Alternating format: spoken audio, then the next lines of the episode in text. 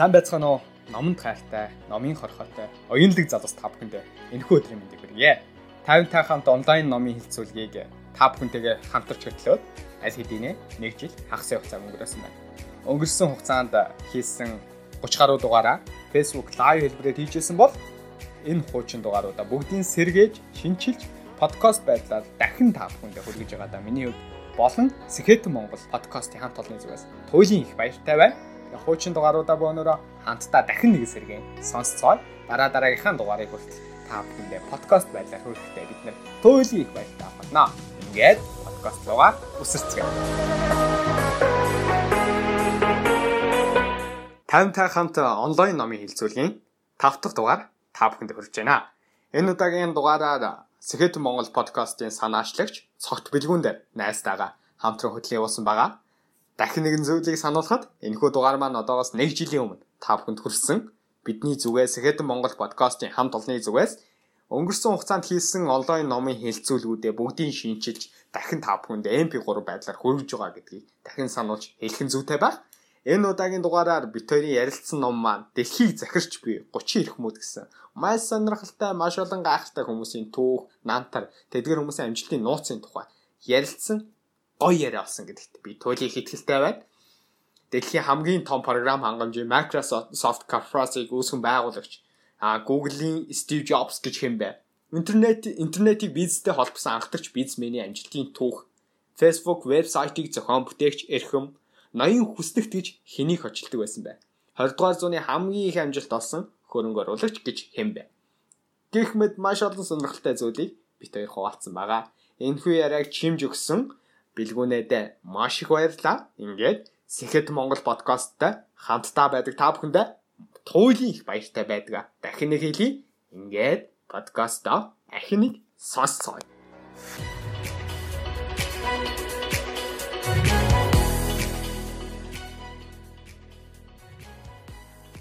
За өнөөдрийн book review буюу номын хэлэлцүүлэг маань 8 дахь удаагийн даам маань явагдаж байна. Энэ удаагийн номын хэлэлцүүлэг маань юугаараа онцлог вэ гэхээр баг Монголда энэ бол анх удаа техник технологийн дэвшлийг ашиглаад Америкийн нэгдсэн улсын Миннесота хожид мужид суралцж байгаа Миннесотагийн их сургуульд суралцж байгаа цагт билүүн дартайгаа хамтж өнөөдрийн номын хэлцүүлгээ яваад байгаа нь. Тэгээд өнөөдрийн номын хэлцүүлэг бол та бүхэндээ амлсан ясаараа би 30 эрхэм гэсэн энэхүү номын хүрээд номын хэлцүүлэг маань явагдана. Тэгээд цагт билүүн дээрээ товч танилцуулахад хоёр мэрэгчлэр давхар суралцдаг байгаа Америкийн нэгдсэн улсад Тэгээд энэ жил Америкийн нэгдсэн улсад суралцж байгаа оюутан залуучуудын дунд жил бүр зохион байгуулагддаг надад хэлэх үг байна. Уран ихтгэлийн тэмцээний тэмцээний энэ жилийн тэргуун байрын шагнал залуу байгаа. Тэгээд өнөөдөр хэдүүлээ нэг цагийн туршид хамтдаа маш сонирхолтой буу халцгаая. За ингээд зочин цогтөлмөн дартаа та бүхэндээ уулзъя.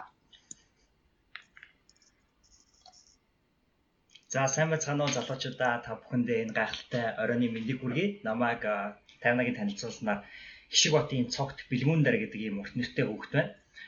Хүүхэд гэж одоо залуу болчихжээ нэг гэсэн ингээд аахгүй. За тэгээд одоо Америкийн нэгдсэн улсад 2016 оны 11 сарын 12-ны буюу хагас өдрийн өглөө өглөөний 6 цаг 38 минут болж байна. Тэгээд Миннесота мужид маань цаг агаар Миннесота муж би болохоор Миннесота мужийн University of Minnesota буюу Minnesota-гийн их сургууль суралцдаг. Тэгээд манай мужид бол энэ сарын хугацаанд цаг агаар маш гайхалтай байлаа.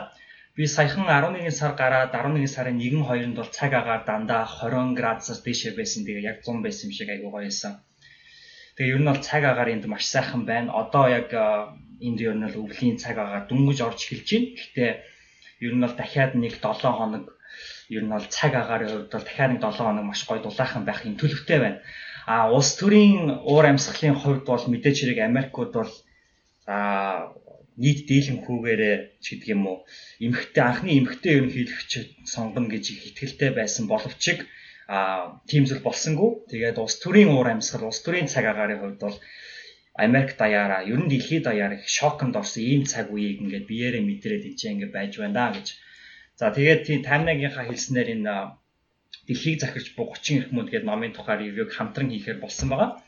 Тэгээд мэдээж хэрэг зүгээр энэ номыг бол манай Маргад Эрдэнэ гээд миний 10 жилээсээ бүр багасаа найзалж гисэн 2003 оноос хойш найзалж эхэлсэн Батгэлэг огтой Маргад Эрдэнэ гэдэг найз маань намайг Америк нэгдсэн улс руу а явхад сая буцан Монголд байж байгаа буцаад Америк руу буцахад бол бэлгэлсэн ийм ном байгаа. Тэгээд юуны төрөнд бас маргадтай ийм гайхалтай номыг бэлгэлж бэлгэлсэнд баярлалаа. Тэгээ би ингээд нөгөө найзуудыгаа ингээд тим ном уншаад дуусчлаа, ингэчлээ, тэгчлээ гэхээр надад хэлдэг байхгүй. За ингээд ухаантай болсон дэн баяр үргээ гэдэг. Тэгээ найзыгаа бас жоохон ч гэсэн нэг ухаан нэмэгтэн тус нэмэр болсон. Тэгээд маргадтай баярлалаа гэж юуны төрөнд хэлье.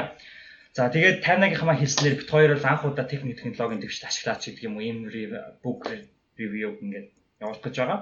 Аа тэгээд тийм учраас миний яриа ч юм уу та бүхэн муу сонсогдож иж магад. За тэгээд ерөнхийдөө бол ингээд дараагийн нэг цагийг маш зугаатай нэг тийм амар би миний хувьд бол нэг тийм амар формал ч юм уу хитрхи ёсфоо байх хэрэггүй гэж бодож байна. Аль болох цоо дураараа чөлөөтэй яг залуу хүн залуучуудтайгаа яг сэтгэлээсээ ярилцъя гэж бодлоо. Тэгээд одоо ингэж эхлэхэд бэлэн болсон гэж бодож байна.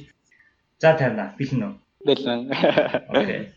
За ингэж залуустаа дахиад энэ өдрийн мэндийг хүргэе. Тэгээд Тэгээд энэ номыг анх яагаад унших сэтэл төрсөн бэ? Яагаад заавал энэ номыг сонгож өнөөдөр номын хэлцүүлгээ хийж байна гэхээр За нэг өдөр би яг унтах гээд орондоо хитчихлээ л да. Тэгээд тухайн өдөр нэлээд хүндхэн өдөр байсан.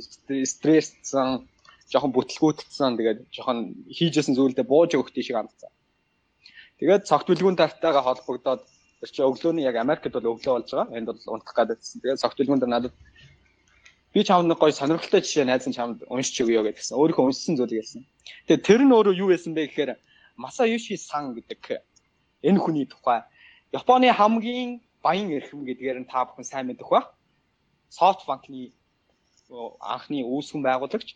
Тэгээ энэ эрхмийн тухай намтар уран бүтээлийн хэрхэн хүн хэцүү амьдралыг туурж өөрийнхөө асуудалтай нүүр тулж өөрийнхөө айдастай хэрхэн нүүр тулсан юм бэ гэдэг энэ сонирхолтой жишээ надад ярьж өгсөн. Тэгээд би удаагүйдээ 7 хоногийн дараа интер ном дээрээс очиод энэ номыг бодолтож авсан. Тэгээ өнөөдөр хоёрын 30 эрхэм бодвол юугаараа онцлог вэ гэхээр 2016 оны а ерөнхийдөө Forbes тэгээ одоо томоохон сэтгүүлүүд дээр одоо гарсан сүүлийн жилүүдэд тэргүүлж байгаа тэргүүмтнүүдийн жагсаалт байгаа. Тэгэхээр энэ бол сүүлийн үеийн мэдээллүүдийг эндээ одоо багтааж чадсан гэдгээр энэ номын онцлог юм байлээ. Тэгээд хүн төрөлхтний 1% нь үлдсэн 99% захирддаг гэдэг үгээр энэ ном маань эхэлж байгаа. Бид эдээс бит хоёрын ч яриагаа энэ үгээр эхлэе.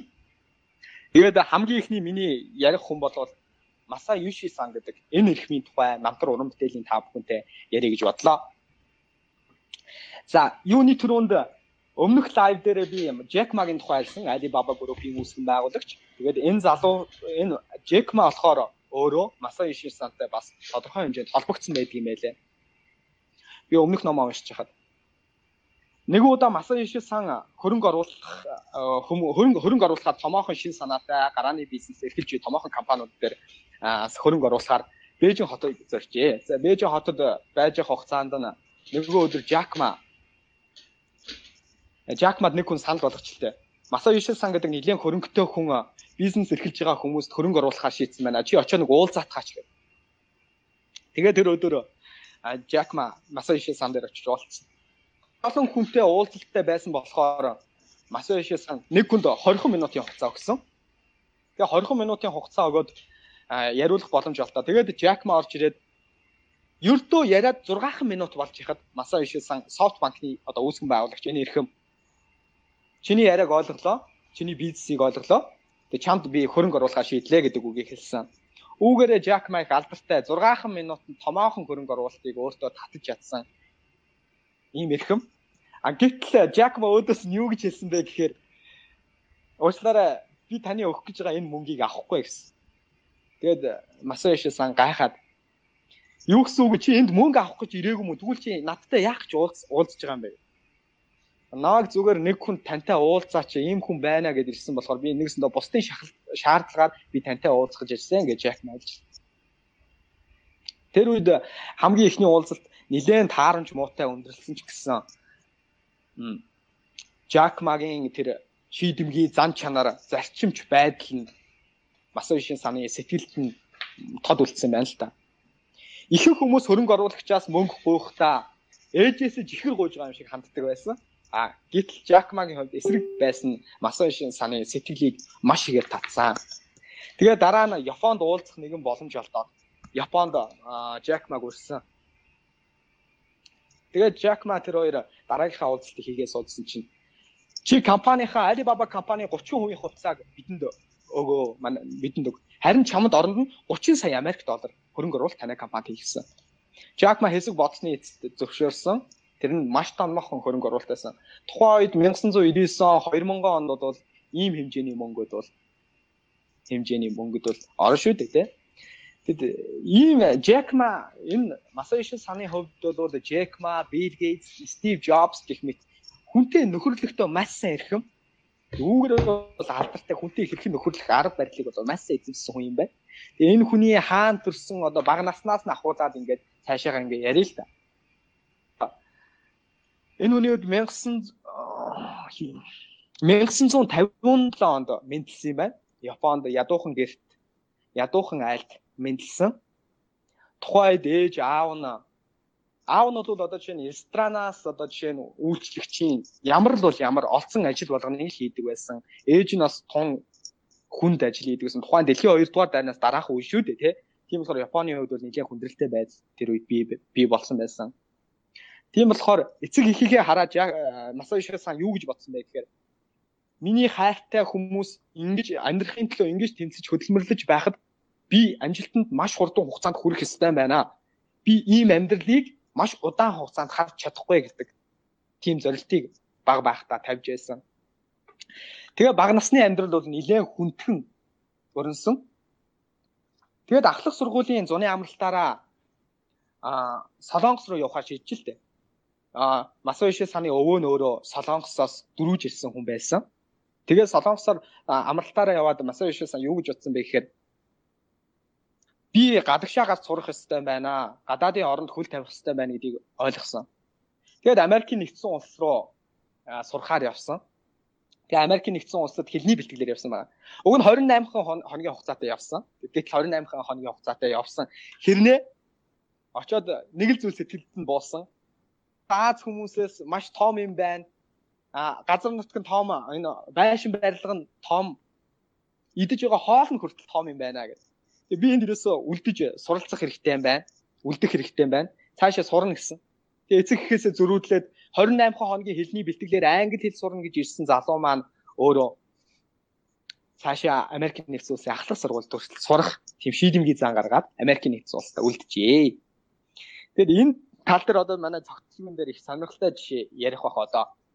Ахлах Америк нэгдсэн улсад одоо ахлах сургуулийн тэр боловсролтыг хэрхэн эзэмссэн тэр нь үнэхээр сонирхолтой. Та бүхэн яг ийшээ яриагаар фокуслаараа одоо цогцлогын дээрийнхаа яриаг сонсъё бонороо за за баярлаа За тэгээд тий 50-аагийн хэлснээр та бүхэн мэдэх хүн гэж байна. Миний хувьд болохоор мэддэг хүн байсан аахгүй юу? Аа энэ хүний энэ хүн бол үнэхээр ялтчгүй тэр бомбнуудын нэг бол ялтчгүй мөн SoftBank гэдэг том компани байгуулсан юм хүн юм бэлээ. А гэхдээ ягаад ч би тэр хүний талаар ерөөсөө өмнө сонсож байгаагүй. Тэгээд энэ хүний тухай хамгийн анх би сонсоод уншаад ер нь бол үзэхэд надад зүгээр нэг зүйл нь л одоо миний болохоор маш их сэтгэл буусан байдаг. Тэгээд тэр нь юу вэ гэх юм бол тэр хүний хичээнгүү зам. 58 маань түрүүн ярьсан л та та Масайши сан бол өөрөө Америк нэгдсэн улсад Вьетнамын дайны дараахан боловсрол эзэмсгээр очсон байдаг. Уул нь бол хэлний бэлтгэл нэг 3-7 гаруй хоногийн хугацаатай сурахаар ирсэн боловч Америкт ирээд энд л би ер нь сурах хэрэгтэй мэн гэсэн тэр үзлийг тэгээд тэнд сурахаар ингээд шийдсэн байдаг.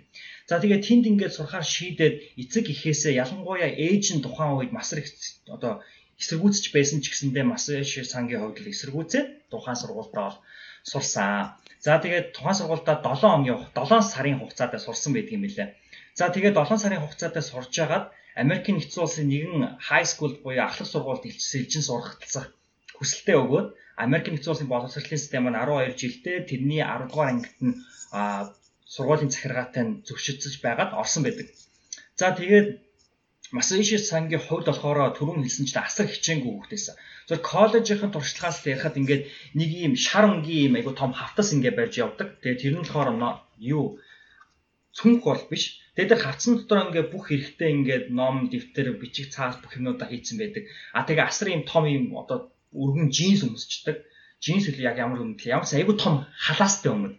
Тэгээд тэр халаасаар нь дүүрэн ингээ үзэг харандаа ингээд яв эдийн шугам гортог ингээл хичээл хэрэгтэй бүх хэрэгслүүд ингээ байдаг гэсэн гэж байгаа. Тэгээ ингээ Масаиши-сан ингээ годомжоор ингээ алхахаар ч юм уу сургуулийн коридороор алхахаар өө Масаиши ирж ийн гэд хүмүүс мэддэг. Яагаад гэхээр ингээ шх шх гэдэг ингээ алхан болгоных нь ингээ тоогоор ингээ хамаг ингээ юунууд нь хөдлөөд идэг. Ингээ дугаараад идэг байсан байна л да нөгөө үзэг харандаа. Тэгээ Масаиши-сан болохоор өдөрт ерөөсө 3-аас 5хан цаг унтдаг байсан.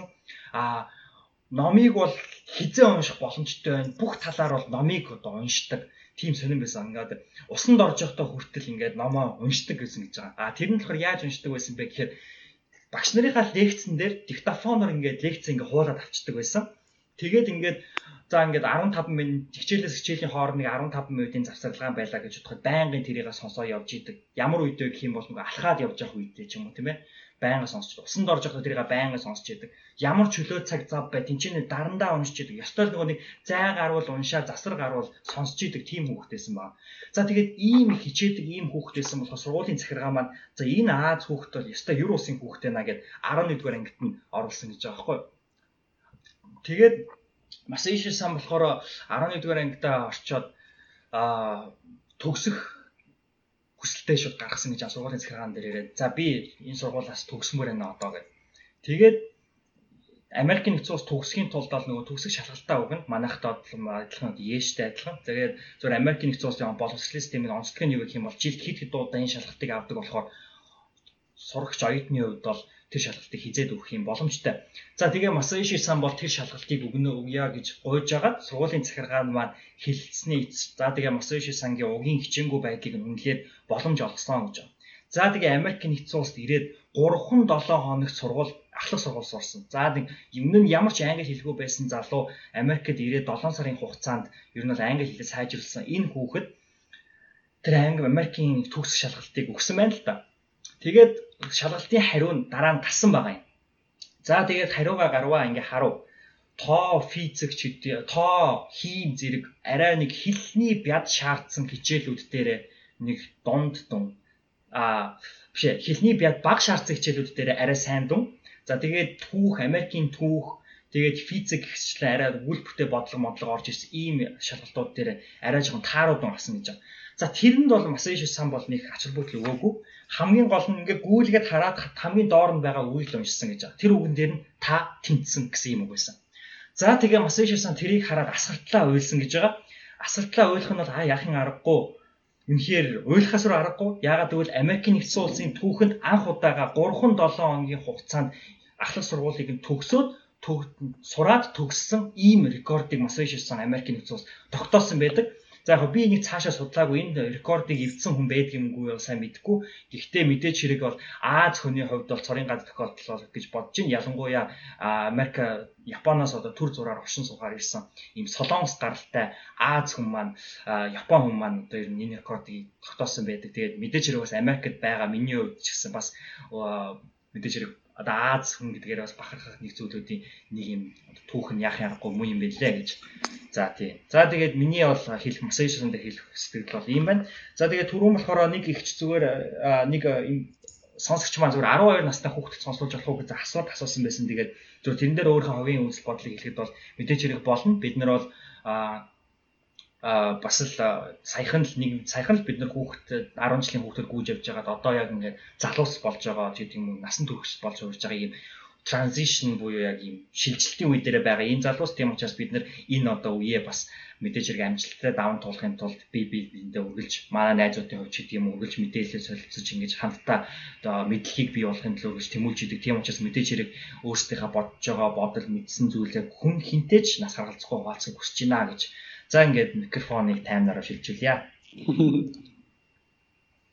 За баярлалаа. Бэлгүүнээдээ баярлалаа. Тэгээд энэ Масаиши саны бэлгүүнээ нөгөө бас нөгөө одоо жишээ нь ахлах сургуулийн Америкийн одоо ахлах сургуулийн 4 жилийн боловсролыг ийм богино хугацаанд эзэмшсэн гэдэг гэж байгаа тийм. Тэгээд энд бас нэг зүйл их нөлөөсөн юм шиг санагдсан номон дээрээс уншсан чинь. Тэр нь болохоор Масама Охнод гэдэг. Масама Охнод гэдэг тэр ахлах сургуульд тахт нь Масама Оохнод буюу гэргийн өөрөөс нь хоёр ихч байсан байна л да. Тэгээ Масаёши сан тэр бүсгүүд одоо жишээ нь урт тарим төстэй аа нарийнх нь тэр бүсгүй дурлж л дээ. Тэгээд дурлаад ерөнхийдөө 2 жил одоо алгасах коллежид ороход бас тэр дурлал их нөлөөлсөн юм шиг надад санагдсан. Тэгээд коллежид одоо чинь 2 жил анги алгасаад орж байгаа гэсэн үг шүү дээ. Тэгээд найз охинтойгоо нэг цугтаа одоо жишээ нь коллежид орох юм бололцоо нь бүрдэж тэгээ хайр дурлалынхаа төлөө бас ингэж тэмцэл хийсэн юм шиг санагдаж байлаа. Сонирхолтой жишээ. За тэгээд 1981 онд а Soft Bank буюу одоо жишээ нь энэ энэ томоохон корпорацийг үүсгэн байгуулжээ. Тэгээ энэ томоохон корпорацийг үүсгэн байгуулахдаа их онцлогтойгоор үүсгэн үүсгэн байгуулж байсан байлээ. Энэ компаниуд бол програм хангамжийн борлуулалт хийдэг ийм үйл ажиллагаа явуулах анх системтэйгээр үүсгэн байгуулагдсан. Тэгээд хамгийн анхны уулзалтаа болохоор нэгэн гараж хөсөлж хамгийн анхны ажилтны ажилтнуудаа цуглуулад үйл ажиллагаагаа хийсэн байна. Гараж нь нэг өндөрлөө томоохон тийм хайрцаг байсан. Тэр хайрцаг дээр гад зогсоод гурван ажилтнаа цуглуулад хэлжлээ. Манай компани 5 жилийн дараа гэхэд а тоо баримтыг хараатын. 5 жилийн дараа гэхэд 100 сая долларын хөрөнгөтэй харин 10 жилийн дараа гэхэд тэрбумаар тоологдох хөрөнгөтэй томоохон корпорац болно гэж нөгөө гурван ажилтан ажилтнаа хэлжлээ. А гэтэл нөгөө гурван ажилтан маргааш ирээгүй. Яасан бэ гэсэн чинь энэ нилээ амбицтай гар байна, худлаа гар байна. Тэ яаж ч бодсон ийм их хэмжээний хөрөнгийг одоо бий болох боломжгүй гэж бодоод нөгөө гурван ажилтан маргааш огт ирээгүй. Тэгээ SoftBank-ны хамгийн анхны ажилчин хүмүүс ажилчид нь болохоор оюутан залуус байсан бай. Компьютер болон бизнесийн удирдлагаар сурдаг хоёр оюутан хамгийн анхны ажилтан байжээ. Энэ бол их сонирхолтой жишээ. Тэгээд залуугийн хувьд болохоор өөрийн бизнесээ эхлүүлсэн. Тэгээ их сургуульд суралцж эхэлсэн. Их сургуульд суралцж эхлэхдээ хамгийн сонирхолтой нь юу вэ гэхээр өөрийнхөө өмнөөс оюутнуудад мөнгө өгөө суулгадаг байсан. Тэр нэг сонирхолтой. Яагаад тэгэхээр өөрөө өөрийн гэсэн бизнесээ аль хэдийн олцсон, хоол олох зүйлээ олцсон болохоор тэгээ оюутнууд мөнгө өгдөг. Өмнөөс нь оюутнууд тухайн хүний Масаиши сангийн лекцэн суудаг байсан. Тэгж явж байгаад бакалаврын зэрэгээр хүртсэн. Ийм сонирхолтой ирхэн байд юм байна. Тэгээ би анх нөгөө лавийнхаа ихэн таа бүхэнд хэлсэн байгаа. Масаиши сангийн нэг давуу тал нь юу гэхээр бусадтай нөхөрлөх чадвар маш сайн. Тэгээд Стив Джобстай нэгэн удаа уулзах боломж олдчих л дээ. Тэгээ Стив Джобстай суудсан чи Стив Джобс нэгэн цаастан дээр ингээл а одоо iPod-чиг iPod хэлбэрийн нэг зураг зураалсан. Яг iPod-ийн хэлбэртэй. Тэгээ байж байгаа зурж байгаад хогийн сав руу шийдчихлээ. Нэг л олигтой болж өгөхгүй байх гэж Стив Джобс.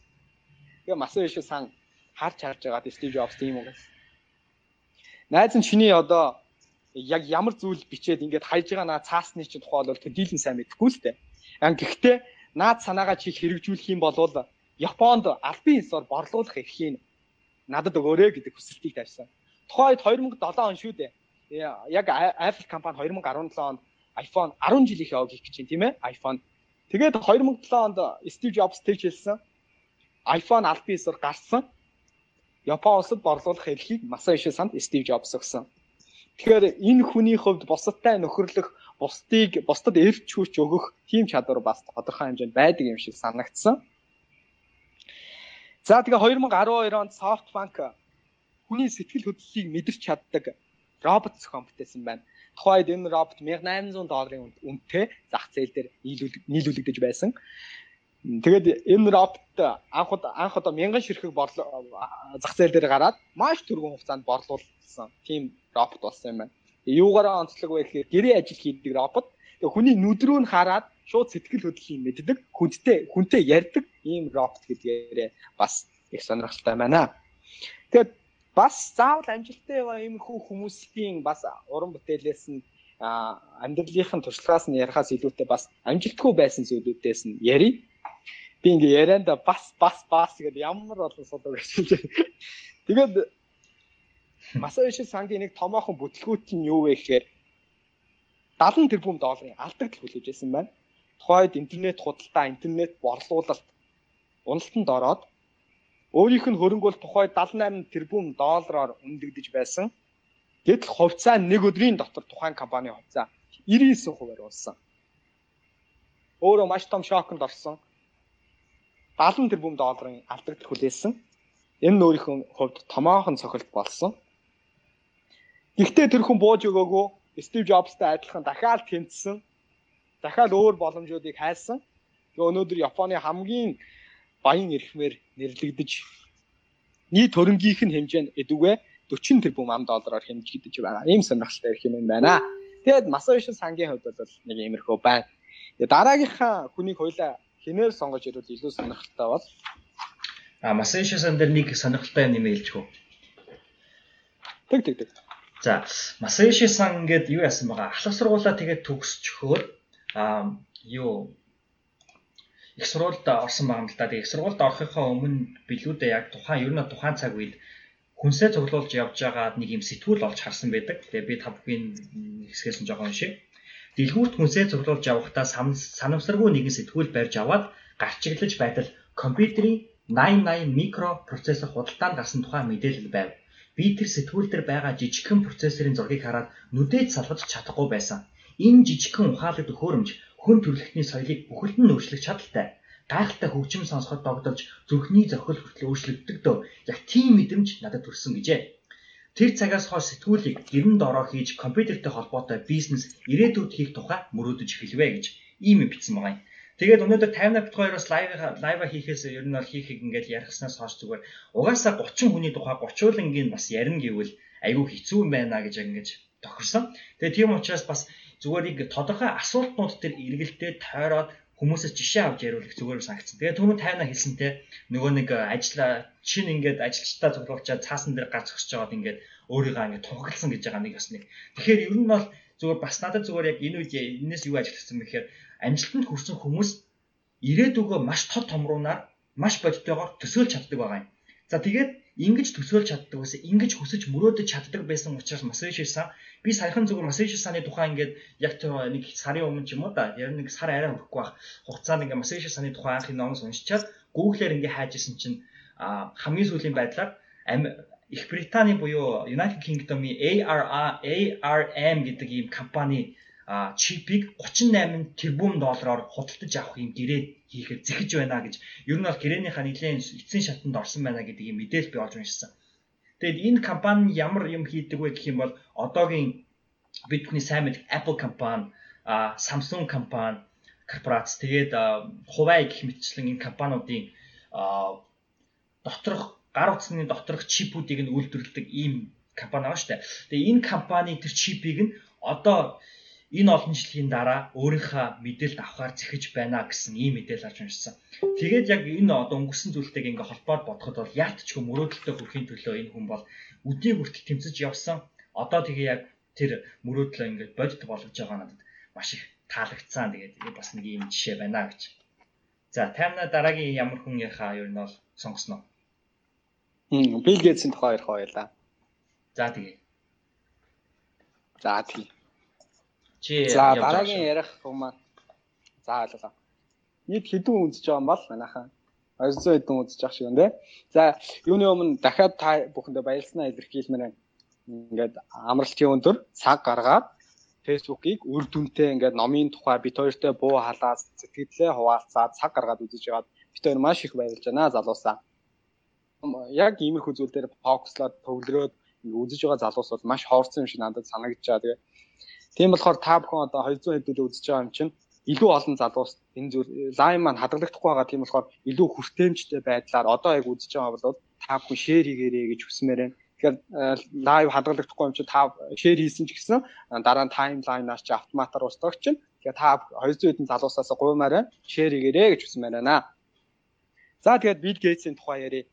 Bill Gates-ийн хувьд бол зарим хүмүүс нөгөө ядуу гаралтай маралтай гэж тэгдэж штэ тийм цуу яриа байдаг Тэгвэл харин үгүй юм байна.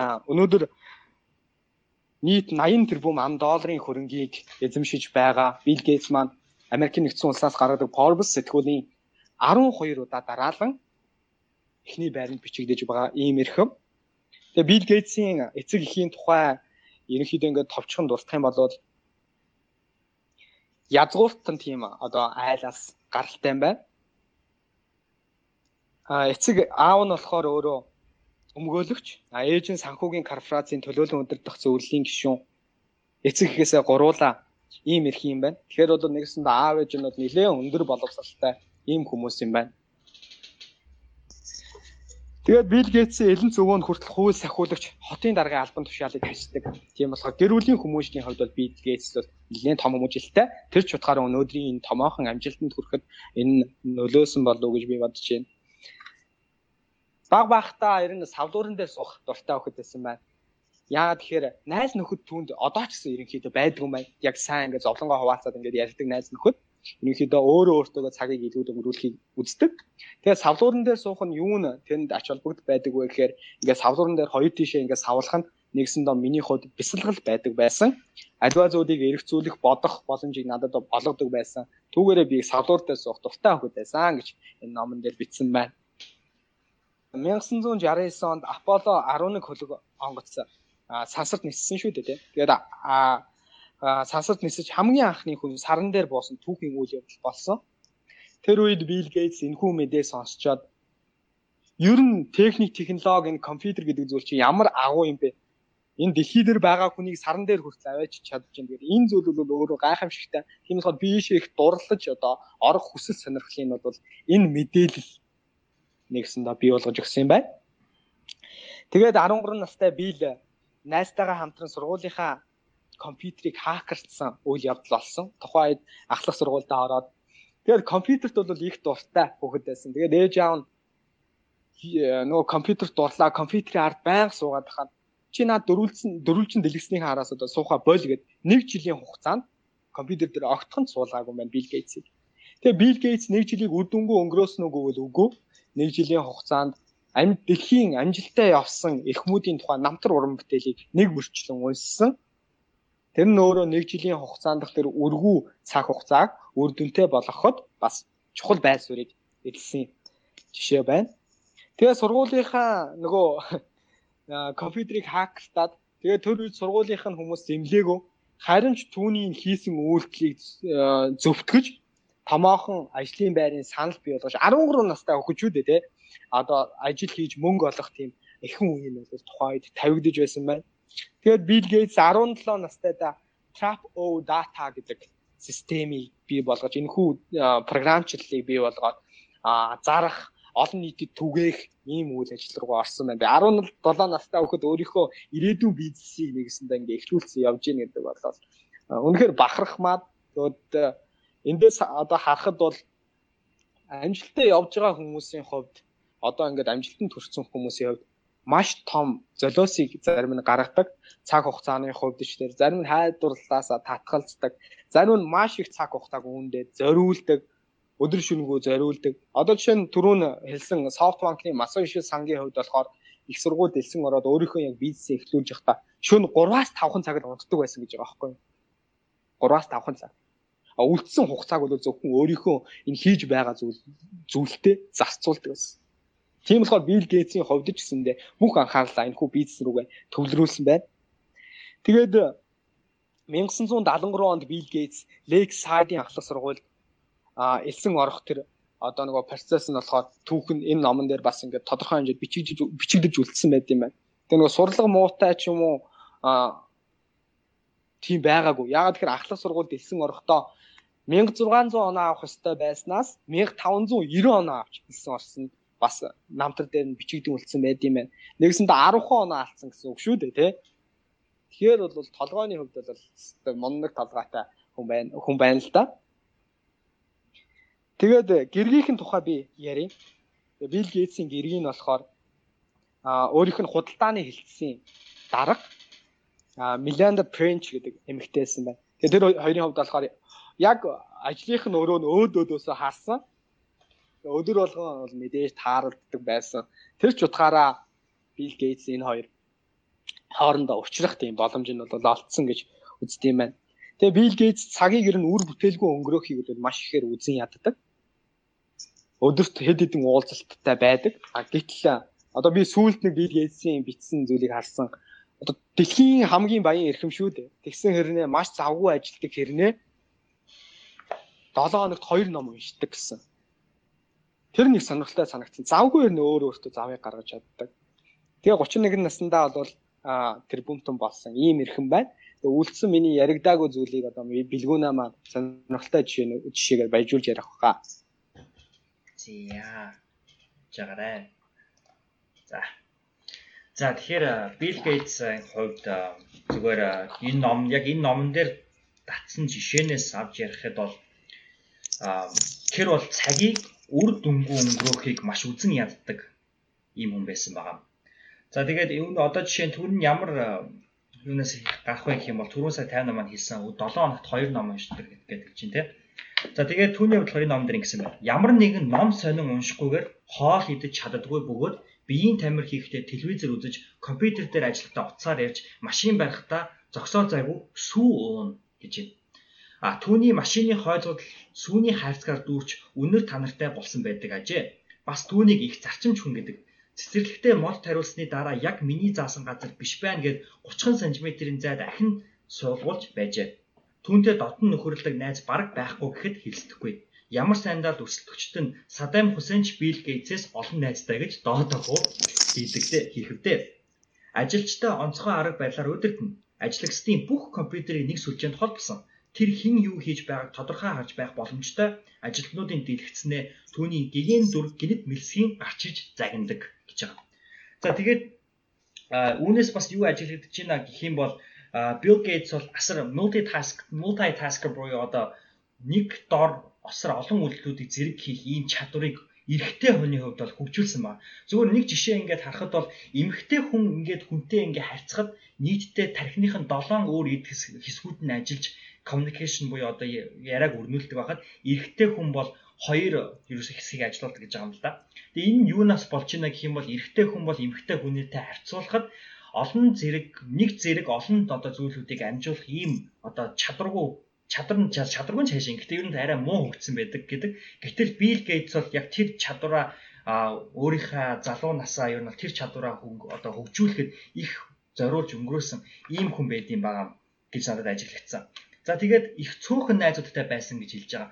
А гэтэл бас энэ дээр юунд ажиглаж байна гэх юм бол Bill Gates-ийг их цөөхөн найзуудтайгаас нуулаад хүмүүс Bill Gates-ийг одоо хуваа хичээсэн, амиа хичээсэн залуу гэж ингэж дүгндэг байж л тэ. Гэтэл үүн нь мэдээж хэрэг ямар байдлаар одоо мохоогдож байна гэх юм бол Bill Gates маа саяхан хэдэн жилийн өмнө өөрийнхөө нийт хөрөнгийн 95%-ийг сайн үйлсийн төлөө зарцуулна гэж ингэж а тунхагласан байгаа, хэлсэн байгаа. 2014 оноос хойш өөрийнхөө Microsoft компани захирлын албан тушаалаас буусан. Түүнээс хойш яг юун дээр илүү төвлөрж ажиллаж байна гэх юм бол Bill Melinda Gates-ийн сан гэсэн ийм сан дээр төвлөрж ажиллаж байгаа. Миний сурдаг University of Minnesota жишээ нь Bill Gates, Melinda Gates-ийн сангаас бол 1 сая долларын 1 сая гаруй долларын бол donation буюу хөрөнгө оруулалт бол Bill Gates-аас бол орж ирсэн байдаг юм байна. Тэгээ ийм байдлуудаар ингээд харахад бол Bill Gates бол өөрийнхөө одоо үлдсэн амьдралыг бол сайн сайхан гүйцэн төлөө зарцуулж байгаа хамгийн одоо филм филантропист хүмүүсийн хамгийн яалтчгүй дэлхийд номер 1-т бичигдэг эхний топ 10-д бол багтдаг ийм хүмүүсийн нэг бол яахын аргагүй муу юм байна. За тэгээд Bill Gates-ийн хувьд бол мэдээж хэрэг гайхалтай машин, гайхалтай орон сууц, парк, цэцэрлэг түрээлэн юу гэдгийг бүх юмнууд бол Bill Gates-ийн хувьд байдаг. А гэхдээ Bill Gates бол хизээж нөгөө нэг машин машиндаа өнхий өнөртүүлсэн сүү уугаа явж идэг тэр дүр төрхөө бол алдаагүй яг тэр хിവэрэ байгаа. А гэхдээ Bill Gates өнгөрсөн жилүүддээ чи гэх юм уу ер нь залуу наснд байсан нэг зүйл нь юу гэх юм бол тэр бол маш их хошин шогийн мэдрэмжтэй хүн байсан. Тэр их ажил тэр их ачааллын донд Bill Gates өөрийгөө яаж одоо өөрийнхөө амьдралыг хөнгөвчилж өгдөг байсан бэ гэх юм бол өөрийнхөө хошин шогийн мэдрэмжээр одоо тэрийг хөнгөвчлүүлдэг байсан юм байна лээ. Тэгээ та бүхэн YouTube-ээр ороод Bill Gates-ийн бас залуудаа хийжсэн бичлэгүүдийг үзэх юм бол оногоо хөрөм, инээд хөрөм бичлэгүүд маш олон байгаа. Нөгөө нэг Ice Bucket Challenge гэдээ явж байгаа жишээ нь Bill Gates бол асар одоо sense of humor-тайгаар асар хошин шогийн мэдрэмжтэйгээр бас өөрийнхөө уран сэтгэмжийг ашиглаад тэр чаленжийг бусдаас маш онцгой байдлаар хийсэн байсан шүү дээ. Тэгээ энэнийг хараад байхад бол амжилтанд бас хүрсэн хүмүүсийн бас нэгэн давуу тал бол тэр хүмүүс хошин шогийн мэдрэмж өндөртэй дээрээс нь асар бүтээл сэтгэлгээтэй байд юм байна гэж би бодож байна. За тайна нэмж хэлэх юм байна уу Билгээдтэй? За Larry Page-ийн тухай ярих уу. За Larry Page-ийг болохоор та бүхэн Google компаниг үүсгэн байгуулагчдын сайн мэднэ. Сергей Брин гэдэг найзтайгаа хамтарч энэ үйл ажиллагааг эхлүүлсэн. ер нь энэ амжилттай яваа хүмүүсийг хараад байхад а юун дээр та хамгийн их цаг зарцуулсан бэ? Юун дээр хамгийн их цаг алдсан бэ гэж асуухад би бизнесийн хамтрагчаа түншээ би нөхрөө болоход өөрийн амьдралын нөхрөө болоход би маш их цагийг зарцуулсан байна эргээд бодоход гэж тэр ч утгаараа өөрийнхөө зүйлийг эхлүүлээ явхад хажууд нь тус болоод явдаг, дэм болоод явдаг. Тийм хүн бол маш их хэрэгтэй. Өнөөдөр бид хоёр лайв хийж гин өнөөдөр би бидээ түшиг болоод алс бол Америк орноос бэлгүүнээ маань миний үйлрийг аваад өнөөдөр ярьж байгаад би маш их баяртай энэ хуваасаа үнээр их талархаж байна. Тийм болохоор өнөөдөр ингээд альва амиг хийхэд бол түшиг тулгуур бол хамгийн их чухал зүйл юм байна гэдгийг эндээс бол олж харж болж байгаа. Larry Page-ийг бол Steve Jobs-тай адилханаар нь хүмүүс их зүүрлж ярьдаг. Яагаад гэхээр Steve Jobs өөрийнхөө үүсгэн байгуулсан компаниасаа төлөвлөгөө хөрөнгө оруулагчдынхаа санал хураалтаар халагдсан байдаг. А Larry Page ч мөн адилхан өөрийн бий болгосон компаниасаа захирлын албан тушаалаас чөлөөлөгдсөн байдаг. Хөрөнгө оруулагчдын шаардлага Тийм болохоор энэ хоёрыг их ижилхэн хүмүүс гэж үздэг юм байна. Тэгээд Larry Page эцэг нь болохоор Мичиганы их сургуулийн компьютер хиймэл ухааны профессор хүн юм байна. Бас мундаг эцэг ихтэй хүн байна. Ээж нь болохоор програмчлалын багш Мичиганы их сургуулийн. Тэгээд ах нь бол одоо яахууд одоо жишээ нь хагас тэрбумаар зарсан E группийг үүсгэн байгуулагч санаачилсан хүн. Тэгэхээр ах нь бол хэдий дурддагдаад байдгүй хэрнээ бол бас нэлээд том стартап буюу entrepreneur хүн байх нэ.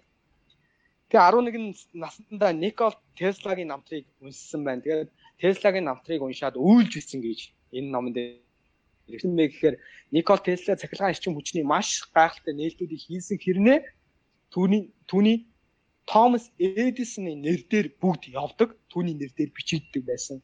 Тэгээд тийм азгүй хувь тавилантай гэж одоо Теслагийн намтрыг уншаад маш их харамсаж үйлж байсан. Тэгээд тухайн үед юу гэж бодсон бэ гэхээр би шинийг зохион бүтээгч байж болно. Гэхдээ шинийг зохион бүтээхийн хажуугаар надад бизнес сэтгэлгээ хэрэгтэй юм байна. Тэгэхгүй бол өөр хэн нэг нь намайг ашиглаад өөрийнхөө бизнесийг хөгжүүлээд явна. А би бол тэр хүний гар хөл болоод явахаас өөр сонголт байхгүй гэж тухайн сэтэл төрсөн. Тэгээд Мичиганы их сургуулийн компьютерийн инженерийн чиглэлээр бакалаврын зэрэгээ хамгаалаад тухайн сургуультай а биш их сургуульд мастерын зэрэг хамгаалсан. Цаашлаад докторийн зэрэг хамгаалах бодолтойгоор суралцж явж байсан. Ийм залуу юм байна. Тэгээд чөлөө цагаараа ихэвчлэн саксофон хөгжим тоглох дуртай. Одоо ч гэсэн саксофон хөгжимдөө маш их сонирхолтой. Урлагаар нэгсэндээ өөрийгөө бас хүмүүжүүлж байгаа ийм эрх юм байна. Эрхэм юм байна. Тэгээ 1996 оны 1 сараас хамтраад Beck Rube хэмээх хамтын системээ ажилуулж эхэлсэн. Тэгэд энэ дээр өөрийнхөө хөрөнгийг босгох гээд Larry Page тэр хоёр Sun Macro Systems компанийн үндэслэгч Andy гэдэг эрхэм дээр очсон. Тэгээд тэр хоёр өөрийнхөө бизнес санааг танилцуулаад удаагүй байж байтал За би ажилтай байна. Тийм болохоор та хоёрын яриаг ойлголоо, та хоёрын бизнес санааг ойлголоо гэж хэлээд 100 сая долларын чек бичиж өгсөн. Тэр хоёр гайхах, баламгдах зэрэгцээд За одоо тэгээ дараа тухтай уулзъя гэж хэлээд нөгөө хөрөнгө оруулагч ирэхэм гараа ирсэн. Тэр хоёр өөрийнхөө компанийг бий болгоогүй байсан. Тийм болохоор маш хурдан хугацаанд өөрийнхөө компани нэрийг олоод а компани бүртгэлтэй бүртгэлтэй болгох ёстой байсан. Тэгээд тухайд Google Inc гэдэг нэр тэр хоёрын санаанд байсан. Google Inc гэдэг компани ойр дотныхоо найз нөхөд хамаатан саднаасаа мөнгө цуглуулсны үр дүн 1 сая долларын үнэлгээтэй Google Inc гэдэг компани үүсгэн байгуулж байжээ. Тэгээ анхны офис нь мөн л адилхан их сургуулийн найз бүсгүй Сүүзэн Сүүзний одоо машины гаражинд эхэлж байсан юм байна. Тэгээ одоо ингээд стартап хөгжүүлж байгаа сахиурын хөндөй томоохон байр суурь эзэлж байгаа хүмүүсийн хамгийн анхны офис нь дандаа гараж байдаг. Amazon-ыг үүсгэн байгуулагч гаражнаас эхэлсэн Стив Джобс Вознагтай хамт гаражаас эхэлсэн би SoftBank-ийн үүсгэн байгуулагч Масаиши сан гаражнаас эхэлсэн Google-ийн үүсгэн байгуулагч бас гаражнаас эхэлж байгаа. Тэгэхээр гараж нь бол их Египттэй бас офис болдог ах нэ гэж таарнаас энэ халж болно. Тэгээ асар богино хугацаанд Google.com 100000 гаруй хамтлагийг авч чадсан. Энэ нь бол хөрөнгө оруулагч хүмүүсийг нэгсэндээ өөртөө татах ийшээ хөрөнгө оруулах болцоог нээж нээж өгсөн юм байна. Тэгэд та бүхэн Google компаниг мэдэндээ ажилчдаа үзүүлэх нөлөө нь Тэгээ анх ажилчид нь маш их э, бэрхшээлтэйсэн. Яагаад тэгэхээр өөрийнхөө ажил нь баг дипломын төсөлтөнд дүүцгүүц хэмжээний хүнд ажил байсан. Тийм болохоор ажилчдаа үнгүй хоол өгдөг. Нэгэсэндээ зарим хүн гинт Google дээр анх удаа зочиж буй хүн бол цэцэрлэг байна гэж андуурхаар хэмжээний офисод огчулсан. Тийм томоохон ажилчдаа маш өндөр сэтгэл ханамжийг үзүүлдэг компани юм байна. Тэгэд ажилчдаа хизээж хоёр чухал ажил даалгаж байгаагүй. Яагаад гэхээр нэг ажил хийж байгаад өөр нэгэн ажил хийх юм бол эхний ажлын үр дүн алдагддаг гэж Лари пэйж үздэг. Тийм болохоор нэг зүйл дээрээ л та бүхэн төвлөрөх ёстой гэж та сануулдаг юм байна. Тэгээд энэ дээр би сүүлийн сонирхолтой ганцхан жишээ яриа. Тэгээд 51 минут болж ийн гэж энэ асуулт хариулт руугаа оръё. Тэгээд Google компани яагаад ийм одоо жишээ нь ингээ Google.com гэдээ орохоо та бүхэн сулгай байдаг вэ гэхээр их сонирхолтой. Google гээд бид нар огт анзаарч байгаагүй шүү дээ өмнө те. Google-ийг ганц бичигтэй нэг дуртай зүйлээ хайгаад Enter даардаг. Маш easy амархан. Үнэн дээр Larry Page, Sergey Brin хоёр HTML мэддгүү байсан компьютерийн хэл. Тийм болохоор зүгээр нэг юм хайлтын систем бий болгоод Enter дараад хүссэн үр дүнгээ авах хэмжээнд бий болгосон байсан. Гэтэл энэ хүмүүсийн сонирхлыг маш ихээр татсан. Тэгэхээр энэ Google.com-ын бас үүсгэн байгуулах сонирхолтой шийдэл болсон юм байна. За тэгээд одоо үлдсэн юм дээр бэлгүүнээс асуулт ирсэн байвал асуултуудыг асуугаад тэгээд өнөөдрийнх нь лайв дуусгая гэж бодож байна. За тэгээд зөвхөн саяны дээр таймнагийн сүлд хэлсэн жишээн дээр бас хэлэхэд би яг тухайн өдөр энэ таны асуултууд бэлдэж байгаа хооронд зүгээр нэмэл хэлчихэ. Зөв би яг ингэж бодсон юм байгаа. Бас нөгөө амжилтанд хүрсэн хүмүүс ямар юг нэг адилхан зам байна вэ гэх юм бол тэд төгс зүйлийг хүсдэггүй. Яг төгс зүйлд төгс үр дүнд хүрэхийг хүсдэг ч гэсэндээ яг одоо хийж байгаа зүйл нь төгс байх үгүй нэг хамаагүй байдаг. Өөрөөр хэлбэл би энийг төгс хийдэг болсон цагтаа л хийнэ гэд ингээд юмыг хоош нь тавьдаггүй л байгаа нь надад их таалагдсан. Тэгээд зарим үед яагаад вэ гэх юм бол зарим үед та ямар нэгэн зүйлийг мэдэхгүй байх нь танд ашигтай байдлаар тусдсан байна л та. Тэгээ тэр хоёр чинь Sergey Brin, Larry Page хоёр HTML кодны талаар маш бага ойлголттой байсан учраас Google-ийг Team Simple Interface-тэй хийсэн учраас өнөөдөр Google-ийн тэр өнгө төрх нь өөрөө тэр энгийн минималистик хэв загвар нь болчихсон. Тэгэхээр зарим үед та ямар нэгэн зүйлийг мэдэхгүй байх нь танд ашигтай байд юм байна гэж би яг тухайн үед бодож ирсэн. Тэгээд одоо ч гэсэн яг энэ хэм маягаараа Google бол явсаар байна. Гэхдээ Google бол одоо Alphabet гэдэг корпорацийн маань корпорацийн маань инээ босоод. Юу гэсэн чигээ. Тэгээд энэ корпорацийн нэг хэсэг нь олцсон одоо жижиг компани болсон гэдэг юм уу? Ямар ч нэг одоо дагуур охин компани болж хувирсан байгаа. Тэгээд Larry Page-ийн хувьд бол асар алсын араатай хүн. Тэр түүний хүсдгээр бол Google таны юу хүсэж байгааг өөрөө мэдээд таны юу хайхыг хүсэж байгааг өөрөө мэдээд тэр бүлэг тэр болгоныг санал болгодог ийм зүйл Google хувирах ёстой гэж дараагийн пэйж боддог. Тэгээд зарим хүний хувьд бол энэ үнэхээр болшгүй гэж үзэж байгаа боловч аль хэдийн энэ бүхэн эхэлчихсэн байна. Зүгээр л ингээд би одоо Google-ийн inbox гэдэг email системийг хэрэглэдэг. Зүгээр ингээд хүнээс ирсэн email-ийн доор нь аль хэдийн Google энэ emailд ийм ийм хариунуудыг илгээж болох юм байна гэдээ надад suggestions бэлтчихсэн байдаг миний авсан зургуудыг өнөөдөр Google Photos гэдэг програм миний авсан бичлэгүүдийг нийлүүлээд кино нийлүүлээд зассан зураг болгочдөг юм байгаа шүү. За. За яг тасан дуушлаарай. Зүгээр зүгээр. Ингээ хүмүүс бас асуулт байх шиг нь одоо хоёулаа яг нэг цаг болоод тасалж штэ тий. Аха. Үнэхээр одоо дахиад бид хоёр лайв автоматар тасалдах юм. Тэгээ үзэж байгаа хүмүүс ах юм бол 50 баясгалан гэсэн энэ профайл руу орж ирээд дараагийнхаа лайвыг шууд автоматар явуулч. Яг тэр хүмүүст асуулт хийх байх тий. Дараа нь бэлгүүнээдээ холбогдоход бас өөр боломж цаг зав нь хэр гараач лээ. Тийм болохоор үнэхээр асуулт асуух Америкийн нэгдсэн улсад одоо суралцах хүсэлтэй байгаа хүмүүс байх юм бол одоо хоёр дахь лайв хийгдэн part 2 тэнгууд автоматар та бүхэн ороод ирээрээ. Тэгээд асуултуудаа асуугаад ингэ явчих тий. Одоо таслах юм бол хоёр тэгвэл дахиад нэг 30 минутын ч юм уу лайв хийгээд энэ яриагаа үргэлжлүүлээ. Тэгэхгүй бол бид хоёрт ярих зүйл амар олон байдаг. Гэтэл ингээд нэг цагийн дотор ингээд дуусчдаг. Залуустаа өөрсдийнхөө мэдж байгаа олж авсан зүйлийг ингээд тодорхой хэмжээнд өгмөр санагдаад байгаа байхгүй. Ганцаараа ийдсэн гахаа таргалдаггүй гэдэг шиг тий. Ингээд сонгуулийн үр дүн нөлөөлөх үү гинэ. Одоо Монголд байгаа залуучууд одоо суралцж байгаа та бүхэнд сонгуулийн үр дүн хэрхэн нөлөөлөх вэ бэлгүнэ. Одоо надад хэдэн минут үлдсэн байгаа илээ. Бараг 5 минут байгаа шүү. За за. Сонгуулийн үр дүн харин янз бүр л байна л да. За ямар ч хэсэн Дональд Трамп хэдий ерөнхийлөгчийн суудлыг авсан ч гэсэндээ бас яг ерөнхийлөгч болох уугүй юу гэдг нь 12 сарын 19-ний өдөр шийдэгдэнэ. Конгресс саяхан сонгогдсон гишүүд маань бас саналаа баталгаажуулдаг байгаа. Өөрөөр хэлбэл бүгд найрамдах намчууд хэрвээ Дональд Трампын эсрэг саналаа өгчвөл Хиллари Клинтон ерөнхийлөгч болох боломж одоо байсаар байгаа гэдгийг бас хэлмээр. Гэхдээ мэдээж хэрэг сая мэдээж хэрэг ерөнхийдөө ерөнхийлөгчөө сонгоод ялсан нь үнэн дараагийн мэдээж хэрэг өөрсдийн намынх нь хүмүүс өөрсдийнхөө өөрийнхөө нэр дэвшигчтэй бас эсрэг санал өгөхгүй байх нь мэдээж хэрэг бас маш багт магадaltaй. Монголчуудын хувьд бол бас янз бүрийн ийм хандлагууд харагдаж байна. За Америкийн ерөнхийлөгч монголчуудад ямар хамаатай юм бэ гэж. За энэ дээр миний хувьд зөвхөн улс төрийн харилцааны чиглэлээр өнгөрсөн 3 жил суралцсан оюутны хувьд бол Монгол бол жижигхэн орн улс төрийн олон улсын харилцааны хувьд тийм ээ. А тийм учраас бид нар дээрээс нь Хятад, Орос гэсэн дэлхийн хамгийн хоёр хүчирхэг бас орнуудын дунд орчдөг ийм улс байгаа. Тэгээ ийм учраас Дональд Америкийн нэгдсэн улсын баримтлах бодлогын нөлөө бол Монголд бас маш их хүчтэй нөлөөлөх магадaltaй. А гэхдээ Дональд Трампын хувьд бол капиталист хүн учраас бол а өөрөөр хэлбэл капиталист хүн учраас Америкийн нэгдсэн улсад такс буюу татварыг бууруулах ийм бодлого баримтлж ажиллагаа мэдгдсэн. Үүнийгээ дагаад мэдээж хэрэг Америк дэлхий дээр хамгийн их буу зэвсэгт одоо милитарид мөнгө зарцуулдаг энэ улс орн милитарийнхаа хэрэгцээг багасгах чиглэл баримтлах магадлал өндөр. Ийнийг нь дагаад одоо сирд болж бүгэл ажиллагаануудаас цэргүүдэд татах ийм одоо зөвлөд бас ажиглагдаж байгаа учраас Путин ч юм уу Орос Оросын хувьд бол асар таатайгаар хүлээж авч Дональд Трамптай хамтран ажиллахаа мэддэгдээд байгаа. А ийм учраас ер нь бол дэлхийд даяар бол маш хүчрэг нөхцөлтэй нөлөө үзүүлнэ гэж бодож байна. Тэгээд хугацаа байгаагаа болохоор зөвөр ерөнхийдөө бол дэлхийн major scale-ийн хувьд тэгж нөлөөлнө гэж бодож байгаа зүс сэтгэлээ хэллээ. А юуны хувьд монголчуудын хувьд яг Америкт байгаа монгол цагаач нарын хувьд бол нөлөө бол арайга байхгүй байх гэж бодож байна. Өчигдөр би олон улсын оюутнуудынхаа нэгэн хүлээн авалтанд оролцсон. Тэгээд тэр хүлээн авалтан дээр манай олон улсын оюутны офис ч гэсэн ер нь бол хэлсэн л дээ.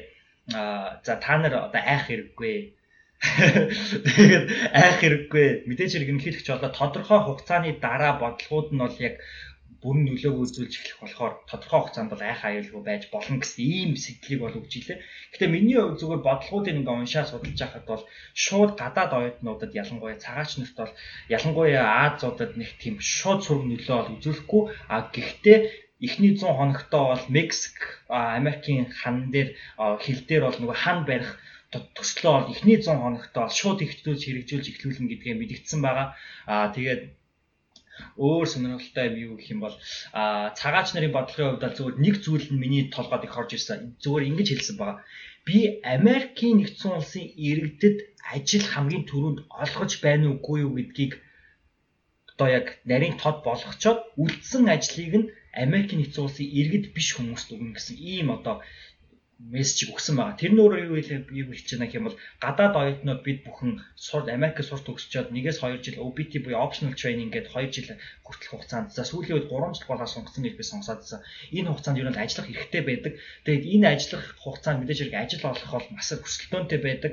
Тэгээд энэ өрсөлдөөн улам шивүүсэх хандлагатай байх гэж би бодож байна. Мэдээж хэрэг ерөнхийлөгч нь цагаач нарын эсрэг бодлого аваад эхлэхээр а зүгээр ерөнхийлөгч нь хичнээн тийм бодлого одоо хууль эрхцэн орчиндөө бий болгоож амжаагүй байсан ч гэсэндээ хүмүүс бол өөрсдөө улс орныхаа чиглэлийг тэгж баримтал магадaltaй болов гэж харагдаад байгаа.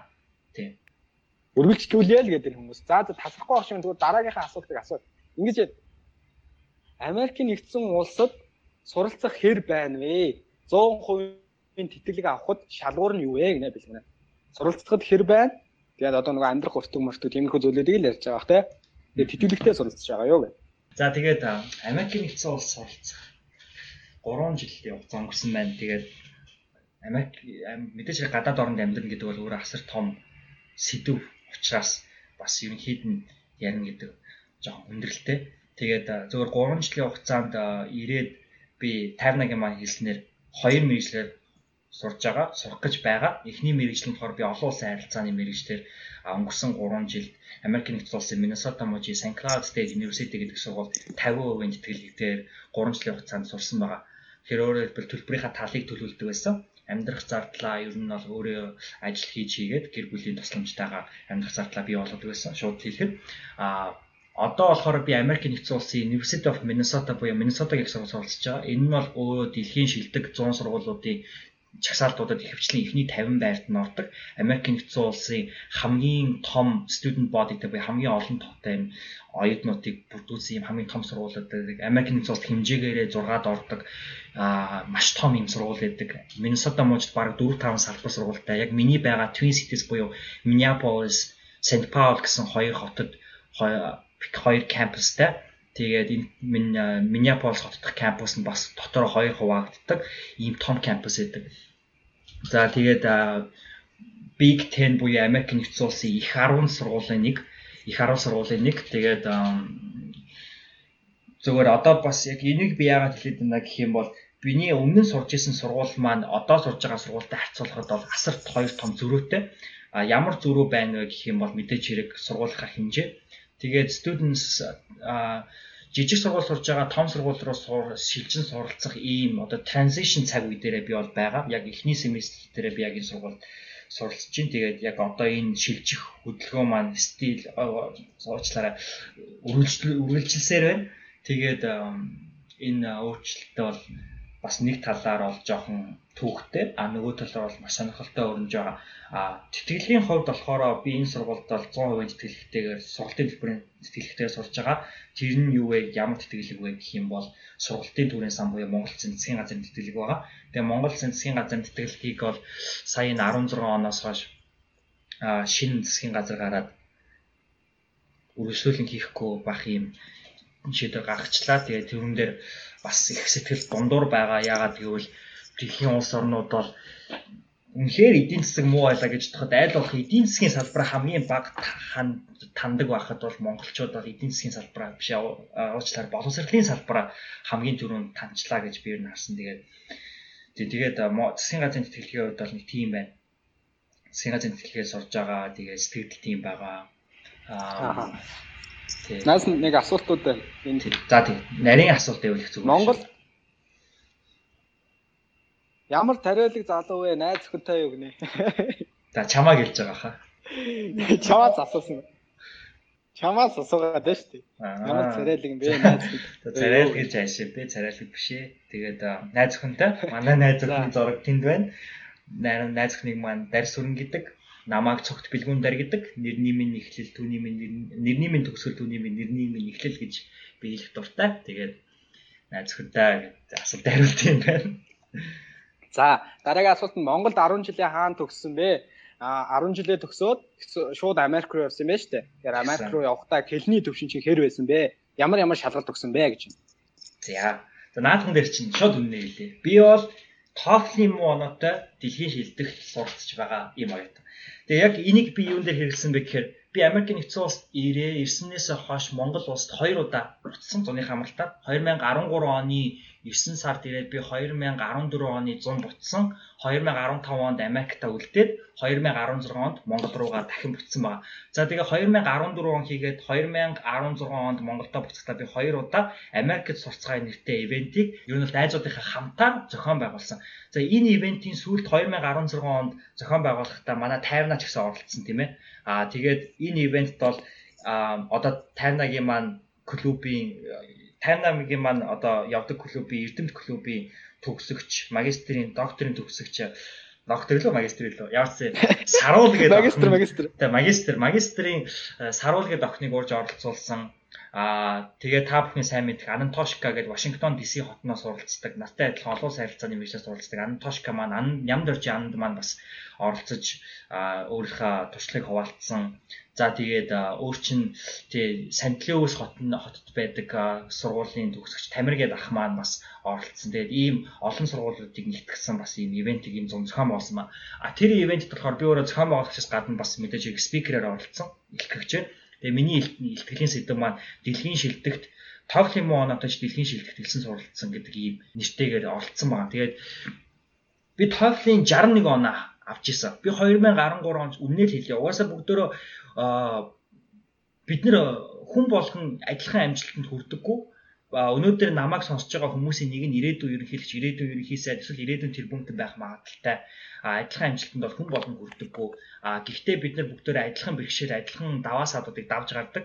А тэгээ миний хувьд бол тэр даваа сад нь юу байсан гэхээр мэдээж их TOEFL-ийн шалгалт байсан. TOEFL-ийн шалгалтын дээр би 61 оноо авч ирсэн. 61 оноо нь манай миний өмнө сурж исэн St Cloud State University-ийн хувьд бол яг нөгөө нэг улаан шугам гэж ярьд юм уу те. Яг тэр оноо. А гэхдээ улаан шугам дотроо TOEFL маань өөрөө дөрвөн хэсэгтэй байдаг шүү дээ. Миний санаж байгаагаар унших, ярих, бичих. За тэгээ юу ч хэлээ. За явцсан ингээд дөрвөн хэсэг TOEFL өгөхөөр бэлдэж байгаа хүмүүс мэдж байгаа. Тэгээд энэ хэсгийнхаа би сонсох ярих дээр нь илүү аль нэгэн дээр нь баг он авсан 15-аас баг он авсан. Тэгээ манай сургуулийн маань шалгуур нь юу вэ? Дөрвөн хэсэг бүгдээр дор байж 15 он авах хэрэгтэй байтал би нэг хэсэг нэг бүлэг дээр нь 15-аас баг он авчихсан. Миний санаж байгаагаар 9 онооч л авч ирсэн гэж. За ингээд TOEFL-ийн муу оноотой залуу Америк нэгдсэн улсад очивоо. Яалтчгүй нэг семестр хэлний бэлтгэл сурахаар болов. Хэлний бэлтгэл маань Америкийн нэгдсэн улсын Minnesota мужийн Cloud State University-д маань нэг семестр нэг төвшөнд суралцдаг. Нэг төвшөнд суралцахаас өмнө Америкт ирээд та дахин шалгалт өгдөг. Би дахин шалгалт өгөөд бас л хэллий. Би дахиад алдсан. Дөрөв төвшин дөрөвдүгээр төвшнийг төгсөөд шууд их сургуульд дөрөвдүгээр төвшнийг төгсөөд бакалаврынхаа мэрэгчлэр суралцах эрхийг авдаг. А би харин 3 дахь төвшөнд орсон. А гэхдээ энэ ч нэг зүйлийг хэлэхэд шалгалт гэдэг таныг тодорхойлдог зүйл биш. Тэрийг юу вэ гэх юм бол тэр шалгалтын дээр би мэдээч хэрэг угаасаа англи хэлээд автаагүй зунжингаа цагийг 100-аар өнгөрүүлж байгаа нь Америк руу явж байгаа хүн чинь тэгээ 100 хин тэгээ хичээлийгээд байж байгаа хөөхтэй те. Цагийг найзуудтайгаа 100-аар өнгөрүүлэхийг хүссэн. Тийм учраас би англи хэлийг мэдээж хэрэг бэлдээгүй. Маш бага. Яг бэлдсэн үед бэлдсэн ч гэсэн бага хугацаанд бэлдсэн баг. За тэгээ Америкт ирээд шалгалтаа 3 дахь төвшөнд ороод би 7 хоногийнхаа шууд 3 дахь төвшөнд орчоод захиралтайгаа очиж болцсон захирлаа. Оо би ингээ 3 дахь төвшөнд орчлаа. Би 4 дахь төвшөнд орох хүсэлтэй байна гэсэн захирал За тэгээ за тэгья таны хүсэлтийг үлдэн авлаа гэдгсэн. Тэгээ би 7 хоног хичээл дээр асар их шантсан. Нөгөө Масэши сан шиг л ястай нэрэ байнгын хичээлээгээд нүдэнд нь багш нарынхаа нүд төв зурагт нь бас сайн оюутан болж харагдах гал ер нь тодорхой хэмжээнд хичээсэн. За тэгээ ингээ хичээчээд 7 хоногийн дараа нэг төдөр хичээл дээр ирсэн чинь багш оо би л намайг Америкт би л гэж дууддаг. Өө би л чинь юу хийж байгаа юм бэ? чи дөрөвдүгээр төвшөнд орсон шүү дээ. Тэгээ ингээд шууд ингээд эхний семестртээ нэг 7 хоног сураад нэг төвшин алхасаад дөрөвдүгээр төвшөнд орж сурч исэн байгаа. За ингээд дөрөвдүгээр төвшөндөө нэг семестр сураад Америк нэгдсэн улсын Minnesota мужийн St. Cloud State University-д олон улсын харилцааны гэж бодлоо яриад яах вэ? Юу лээ? Би чи political science гэсэн мэргэжлээ эхлээд орсон юм байна. Улс төрийн шинжилгээ ухаан, улс төрийн шинжилгээ ухаан. За тэгээд ингээ орчоод тэгээ би их тавтаргүй хүн мэргэжлээ ерөөсөө солиё гэж бодоод мэдээллийн систем гэдэг мэргэжлэр сурж агаад буцааж олон улсын харилцаа болгоод тэгээд Америкт байхдаа 100 Нью-Йорк хотод нэгдсэн үндэсний байгууллага дээр 7 хоногийн хугацааны дадлагч ажил хийчээ түүнээсээ ерөнхий брайлгүй байж асар чухал юм байна гэдгийг мэдээд ойлгоод тэгээ ерөнхийдөө энэ хоёр мэрэгжлийг нийлүүлээд нэг мэрэгжил болгоё гэж шийдээд тэгээд энэ шинэ сургуультай би хоёр мэрэгчлээ сурж байгаа гэж. За тэгээд сурсан төгссөн сургууль маань нийслэлийн Сүхбаатар дүүргийн 47 дугаар дунд сургууль гэж байгаа. Миний яалтчгүй намайг одоо үлгийдж авсан намайг бас энэ амьдралын далайд гаргасан юм гайхалтай сургууль байгаа шүү. Хэдий хотын төвд байралтай ч гэсэндээ яг нэгдүгээр сургуулийн хажууд байрладаг ч гэсэндээ маш арай бас хүмүүс баг мэддэг ийм сургууль байдаг. Тэгээд Гэхдээ ер нь бол хэдийн хүмүүс баг мэддэг чинь сургалтын чанарын хувьд маань чинь одоо сургалт нь тэр гайхалтай багш нар нөө сурагч нартай маш гайхалтай ханддаг ийм сургууль байсан. Тэгээ багш нартай энэ таш хэлээд байгаа гэдэггүй. Баярлалаа энэ төр гэдэг. За тийм л. За найз нэг асуулт асууя дараагийн асуулт. За. Энд дээр нэг асуулт асуусан гадаадын сургууль тэтгэлэг олох нь хэр байд юм болоо гэсэн асуулт асууж байна. Энэ дээр би бас өөрийнхөө товч мэдж байгаа зүйлийг хальт хэлье. Яг би одоо судалж байгаа байхгүй. Би яг энэ тал дээр судлаад хэлний бэлтгэл Австрал, Норвег, Америкийн нэгдсэн улс маш олон газруудад судалж байгаа би. Сая нэлээд судалгааны ажил хийсэн. Монголд бол ерөнхийдөө бол хөгжиж буй орн. Тийм болохоор маш олон тэтгэлэг байдгийн байлээ. Одоо он гараад тухайн гадаадын улс орнуудын засгийн газрын тэтгэлгүүд зарлагдана зүгээр залуусаа хэдүүлээ зүгээр IELTS-ийн 6.5-аас дээш оноогоо авчи. IBT дээр бол 90-ээс дээш оноогоо авчи. Тийм байхад та зүгээр мастер, бакалавр хүссэн сургуультай тэтгэлэг аваад явах болцоо бол зөндөө байд юм байна гэдэг. Одоо би яг ингээд хожим нилээн хойно мэдсэн дээ. Үнэхээр харамсаж байна. Гэтэ яг одоо бол залуу байна. Цаг алдаагүй одоо тухайсан чинь жилийн дараа бүр дахиад энээс 7 дор ингээд бүр шаналцсан байж байгаа донд илүү их хичээх хэрэгтэй баг. Би болохоор бакалаврын зэрэг бол Монголд авсан. Одоо мастертаа суралцсан гэсэн төлөвлөгөөтэй байгаа. Тийм болохоор энэ тал дээр би нэлээд судалсан. Тэгэхээр эхлээд оноогоо авчих. Тэгээд хэрвээ та Америкийн нэгдсэн улсад тэтгэлэг авъя, Австралийн засгийн газрын тэтгэлгээ сурыг гэж хэмэд мэдээж 2 жилийн ажлын туршлага бол шаардсан юм байлээ. 24 сарын нийгмийн даатгал аль бие ёсоор төлсөн байх хэвээр. Тэгж бол нөгөө 2 жилийн ажлын туршлага тэгээд тэтгэлэгт аль бие ёсоор материалаа бүрдүүлээд явах боломжтой байлээ. Тийм болохоор тийм болохоор залуусаа хэрвээ ажлын туршлага заавал 2 жил хийхгүйгээр тэтгэлэг авъя гэх юм бол бас байд юм байлээ. Төгсөөд ажлын туршлага хамаагүй та IELTS-ийн оноотой их сургууль сурч байхдаа голч дүнд чи өндөр байсан Тэгээд сайн дурын нийгмийн идэвхтэй тийм зүйлүүд байх юм бол тэтгэлэг бол байд юм байлээ. Бэлгүүнаа маань одоо суралцж байгаа болохоор илүү дэлгэрүүлээд ярих бах энэ тал дээр хоёр дахь асуулт болохоор бэлгүүнээ ингэнэ. Ийлийн их сургуульд сурдаг найз байгаа юу? Холбож өгч болох уу гинэ. За. Өстэй мэдхгүй байна. Тий. Холбож өгөх өстэй мэдхгүй байна. Уучлаарай. Тэгээд тэтгэлгийн талаар асуулт байгаа тий. Тий, 58 маань хэлж байгаа яг ч үнэн л дээ. Америкийн нэгдсэн улс бол тэтгэлэг маш их байдаг. Аа би өнөөдөр сая бас яриануудаа хэлсэн өчтөр би нэг олон улс оюутнуудын хүлээн авалтанд оролцсон гэх. Тэр нь ямар хүлээн авалт гэх юм бол сургуулаас тэтгэлэг авсан оюутнуудын хүлээн авалт аа. Тэгээд тэр хүлээн авалтан дээр гурван илтгэгч илтгэлээ тавьж байгаа юм л да. Нэг нь болохоор миний санаж байгаагаар энэтхгээс ирсэн охин байсан, нөгөөд нь хятадаас ирсэн охин байсан, нөгөөд нь Пьорто Рикогоос ирсэн залуу байсан гэж санаж байна. Энэ гурван залуучууд маань гуруулаа сургуулиас тэтгэлэг авч байгаа 100% тэтгэлэгтэйгээр манай University of Minnesota-аас суралцж байгаа энэ залуучууд за тэгээд Global Excellence Scholarship гэж байдаг. А миний хувьд бол энэ scholarship-ыг бас хүртдэг. Тэгээд энэ scholarship-ыг яагаад авсан бэ гэх юм бол а ерөнхийдөө бол таны өнгөрсөнд хийж бүтээсэн зүйлсүүдийг үнэлж байгаа.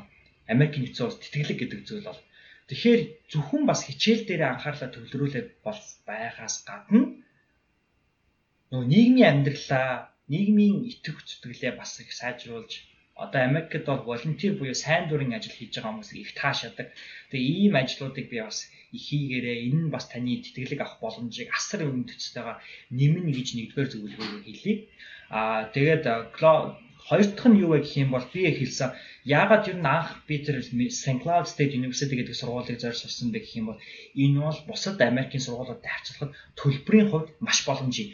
Өөрөөр хэлбэл Америкийн нэгдсэн боловсролыг ингээд technical college, community college, college гэдэг тэгээд дээрэс нь их сургууль гэдэг ингээд ер нь хоёр юм юм байна шүү дээ. А гэтэл коллежуудын төлбөр нэг энэ хэмжээнд нэг 2-оос 3 мянган доллар семестр байлаа гэж бодоход их сургуулиудын төлбөрийн хэмжээ ер нь бол нэг 6 мянган доллар ч юм уу 8 мянган доллар ч юм уу тэрнээс ихэлдэг янз бүрэлтэй. А манай St. Cloud State University гэвэл гадаадын оюутан болгонд 50% тэтгэлэг өгдөг. Ийм гайхалтай боломжийг олгодог. Өөрөөр хэлбэл Америк дотор ингээд in state tuition буюу out state tuition гэж хоёр төрлийн төлбөр байдаг. А нэг дахь төлбөр маань in state tuition гэдэг нь болохоор яг Minnesota мужийн иргэдтэй өгдөг одоо төлбөрийн хэмжээ байгаа. А outside нь болохоор Minnesota мужаас гадна амьдардаг буюу а бусад мужийн иргэд хийгээд гадаад оюутнууд байдаг. А энд гадаад оюутнуудын хувьд болохоор нөгөө хоёр дахин илүү төлбөр төлдөг. А гэтэл манай St. Cloud State University маань маа гэдэг ингээд шууд 50%-ийг нь өгчдөг. А гэхдээ мэдээж 50%-ийг бас сургуулиас авахын тулд бол тодорхой шалгуурууд байна. Шалгуурууд нь гэдэг асар энгийн семестр болгон 2.5 GPA дүнтэй байх ёстой. За тэгэхээр тэтгэлэг авахын хоёр дахь зөвлөгөө бол GPA-ээ ер нь бол нэг 3-аас ч юм уу дээшээ айлгах байх хэрэгтэй. За тэгээ хоёр дахь зүйл нь юу гэх юм бол тэр тэтгэлгийг авах хамгаалахын тулд юу гэх юм бол тогтмол соёлын үйл ажиллагаанд семестрт хоёрхан удаа оролцох хэрэгтэй. За тэгэхээр нөгөө түрүүн ярьсан нөгөө сайн дур үйл ажиллагаанд оролцохоор явуулаа шүү дээ тийм ээ. Тэгэхээр ялангуяа Монголоос ирсэн монгол залуучдын хувьд биднэрт юу вэ? Түүх вэ? Биднэрт юу вэ? Соёл вэ? Биднэрт юу вэ? Хуваалцгал юм байна шүү. Тийм учраас биднэрт энчээ ирээд Америкт ирээд гадаад ирээд бид нөр өөрсдөө Монголын талаар хуваалцах асар юм байгаа. Асар их зүйл байдаг учраас бас тэр бид тэр тал дээр их боломжтой. Тэгээд гурав дахь зөвлөгөө маань юу гэх юм бол үндэсний дархлаатай болох буюу түүх соёл, өв боломжтой ёс заншлаа асар сайн судалж мэдж ирээрээ гадаад орнд ирэхээс өмнө энэ нь бас танд эргээгээд асар их боломжийг олгодгийг шүү. За тэгээд ингээд би коллежийн хэмжээний төлбөрийг ингээ нэг 3 жилийн хугацаанд төлж жагаад тэтгэлэг аваад ингээ өөр сургууль орсон байгаа штэ. Тэгэхээр юу гэх юм бол энэ нь бол асар юм Америкт байдаг гадаад оюутнууд ч тэр Америк оюутнууд ч тэр энэ бас асар их юм одоо өргөн байдаг юм арга. Өөрөөр хэлбэл эхний 2 жилээ нэг юм энгийн коллежид эсвэл хямдхан үнэтэй их сургуульд а гайгүй үнэтэй сурж агаад үлдсэн 2 жилээ ер нь бол том сургууль шилжин суралцдаг. А тэгээд нөгөө өнгөрсөн 2 жилдээ та энгийн сургууль суралцж байхдаа хичээл дээрээ сайн байсан. Асар их нийгмийн ажлуудад оролцож исэн. Өөрийнхөө түүх соёлыг бусдад хуваалцдаг байсан. Ийм зан чанар одоо ийм түүх background resume CV-тэй болчихвол таныг тэр сургууль нэгт авах нь тодорхой болно. Хоёрт та хүссэн хүсээгүй байхад танд тэтгэлэг санал болгодог. Надад яг энэ зүйл болсон байна. Нөгөө Global Excellence Scholarship буюу Maroon Scholarship гэдэг шилжиж ирж байгаа оюутнуудтай өгдөг ийм тэтгэлгийг надад өгсөн. Тэр туршлагаа маш сайн болгоод байвал ер нь бол танд ер нь бол тэтгэлүүд гарч ирэх боломжууд асар бий болно. За тэгээд зөвхөн мастер бакалаврын аль алины хүмүүс авчиж магадгүй мастрын scholarship-ийн хувьд бол магистрийн scholarship-ийн хувьд бакалаврын scholarship-ийн хувьд бол илүү хэмжээтэй илүү их хөргөнөөр өгдөг юм байгаа юм шүү. За За баярлалаа. За ерөнхийдөө лайв ингээд одоо нэг хэсэг хормын дараа бол өндөрлөлийн сүүлийн асуулт аваад. Тэгээд сая бэлгүүнийхээ яриан дээр үндэслээд туршлагаа бий болгоод яг өнөөдрийн дэлхийг захирч буй 30 эрх мөн гэсэн битүүрийн номын хэлэлцүүлэг маань энэ ном дээр одоо амжилттай яваа хүмүүсийн яриаг сонсоод байхад нэг л зүйл их тод үлдэж байгаа. Өнгөрснөөрөө амьдрах биш, өнгөрсөндөө би ингэж алдсан байна гэх тээ. Биеийн цаг хугацааг алдаж. Зарим хүмүүс одоо англи хэлийг сурна гэж тэгж хаад чи 8 жил би англи хэл үзтлээ. Би англи хэлийг огтхонд сурч чадсан гэсэн хүмүүс байдаг тээ. Гэтэл энэ хүмүүсийн хувьд ирээдүгээр амьдрдаг байсан байна. Өнгөрсөндөө тэр хүмүүс алдаж байсан, онж байсан. Гэхдээ тэр хүмүүс ирээдүйдээ маш том хүсэл мөрөөдөл, зориг тавьсан, өглөө болгон сэрэгтээ тэр нь бодогддог. Түүнийхээ төлөө ямар нэгэн зүйл хийдэг. Өнгөрсөндөө харамсаж биш, өөрийнхөө амьдралд оноогдсондоо гомдлож биш те. Би өнөөдөр ядуу тарчиг байна. Надад амьдрал яагаад ингэж хатуу хандаад байгаа юм бэ гэдэгтээ биш. Ирээдүйдээ талархаж амьдрах ийм үзэл сурталыг бол нэгэсдээ бий болгосон юм байна. Тэгээд энэ англи хэл сурах гэдэг дээр би зүгээр саяхан унссан нэг сонирхолтой нийтлэлээ харуул та бүхэн товч ярьж өгье. Тэрэн дээр зарим хүмүүсээс асуудаг те ажлын анкет бөглөхөд хүртэл та англи хэлийг хэдэн жил үздсэн бэ гээл. Орос хэлийг хэдэн жил үздсэн бэ гээл. Үндэ бол бид нар ингээд 10 жилээс ахуулаад бодоод үзэхэд 8 жил 9 жил л байгаа миний үеийн залууч.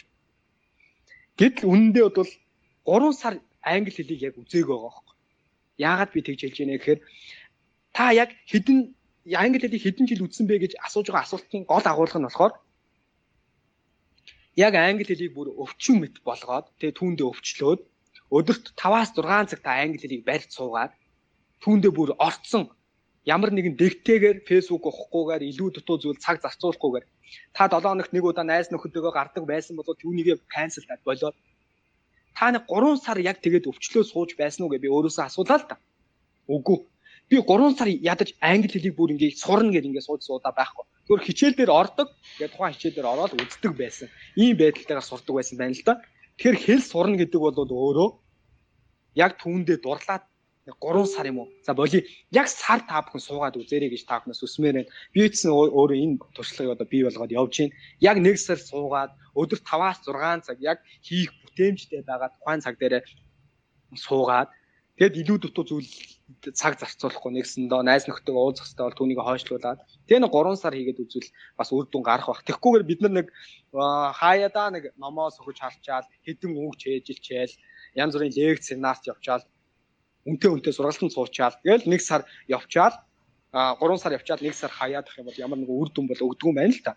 Яа тэгэхээр нэг олон улсын өмгөөлөгч орчлон ах хэлжсэн.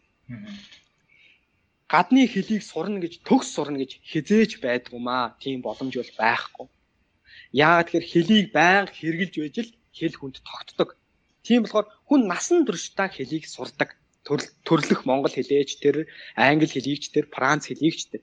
Тийм болохоор альва хэлийг сурах гэж л байгаа бол зөвхөн өдөр болгон түн цаг гарга яг дурлсан бүсгүүдээ цаг гаргадахтай адилхан түнд дурлах хэрэгтэй гэдэг нь байлаа. Тэгээд миний зүгээр туршлага бол иймэрхүү байна. За тэгээд Билгүүнээс сүүлийн хэдэн асуултыг асууад дуусаа тэгээд сургууль руугаа хэдэн сарын өмнө өргөдөл гаргах хэрэгтэй вэ гэсэн байна. Нэгсэндээ одоо жишээ нь сургуулиудын өргөдлийн аппликейшн нэг авах хугацаа одоо хэдийн үеэр хийх юм байдгүй. Тэгээд одоо Монголд мастерт сурч байгаа, дахиад мастерт сурах бодолтой байгаа Тийм бол бакалаврын голч дүнг харах уу, мастрын голч дүнг харах уу гэсэн хоёр асуулт байна. За.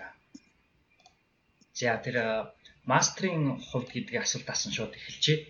А магистрийн хувьд болохоор ер нь бол ямар ч боловсрал эзэмшгээр та зэхэж байгаа тохиолдолд ер нь бол Америкт ийм хоёр зүйл байдаг. Primary factors, secondary factors. Primary factors гэдэг нь болохоор таны авсан нөгөө нэг дүн ямар нэгэн боловсрал эзэмсэн бол тэр боловсралуудыг чинь одоо дүндэж дун дүн тийм ээ аа тэгээд янз бүрийн өгсөн шалгалтуудыг чинь оноо энэ зүйлүүдийг Америк нэгдсэн улсын сургуулиуд ихэтэнд хардаг. За тэгээд мэдээч хэрэг тантай өрсөлдөх хэмжээний хүмүүсээр асар олон гарч ирнэ. Энэ үед болохоор нөө secondary factors хардаг. За тэгээд secondary factors гэдэг нь болохоор би нөгөө түрүүн хэлсэн нийгмийн идэвхтэй байх. Тэгээд монголчуудын хувьд ялангуяа давуу талтай тэр нь юу вэ гэх юм бол та нөгөө монгол хүн учраас Монгол гэдэг бол Америк нэгдсэн улсад ялангуяа маш олон сургуулиуд хамгийн нөгөө бага оюутнуудыг бүрдүүлдэг ийм оюутнууд. Тийм учраас Америкт бол мэдээж хэрэг нөгөө өөрөө Америк гэдэг чинь олон дэлхийн одоо бөөгнөр болсон ийм олон төрлийн хүмүүсээс бий болсон улс орн учраас түүнийга баримтлагдаг учраас гадаад оюутнуудыг асар авахыг зорддог. Тийм учраас хэрвээ таны дүн бас бус түнийхтэй адилхан хэмжээнд байвал таны бас тэр мөрийг хардаг ч юм уу. А нөгөө background үнс усагч бас хардаг. За тэгээд Тэгэхээр ер нь бол аль аль аль бүх авсан одоо боловсролынхаа дигринүүдийг ер нь бол дөнгүүд нь оруулах бах. А гэтээ мэдээж хэрэг айл мэдээж хэрэг сургуулийн хувьд бол хамгийн сүүлд авсан хичээлүүдийг дүнгээс нь ихэж хардаг учраас сүүлд авсан одоо дигри зэрэг боловсролын зэрэг чинь бол илүү одоо чухал гэж миний хувьд бодож байна. А нөгөө дедлайн буюу одоо сургуультай гарах өргөдлийн хувьд болохоор энэ бол асар ондоо сургууль болгон ондоо одоо өөр өөр байдаг. Жишээ нь одоо манай University of Minnesota-гийн хувьд болохоор явж 11 сарын 1-ний өдөр болохоор нэг priority deadline буюу юу байдаг? Аа эхний юм deadline гэж байдаг. Энэ deadline нөгөө нэг аппликейшн өгсөн хүмүүс нь болохоор илүү давуу ирэх хэдэлдэг. Ямар давуу ирэх хэдэлж байна гэх юм бол нэгт тэр хүмүүс нөгөө primary factors-ыг харчаад secondary factors буюу нийгмийн идэвх зүтгэл гэдэг нөгөө background information-ыг нэг бүрчлэн уншиж шалгадаг байгаа. За энэ нөгөө нэг юуг нь өнгөрөөсний дараа болохоор priority deadline өнгөрсний дараа буюу нэг сарын миний санаж байгаа нэг сарын нэгэн бах манай сургуулийн нэг сарын нэгэн хүртэл энэ хугацаанд явуулсан аппликейшнуудын зөвхөн primary factors-ыг хардаг. Тэгэхээр ер нь бол та ямар сургууль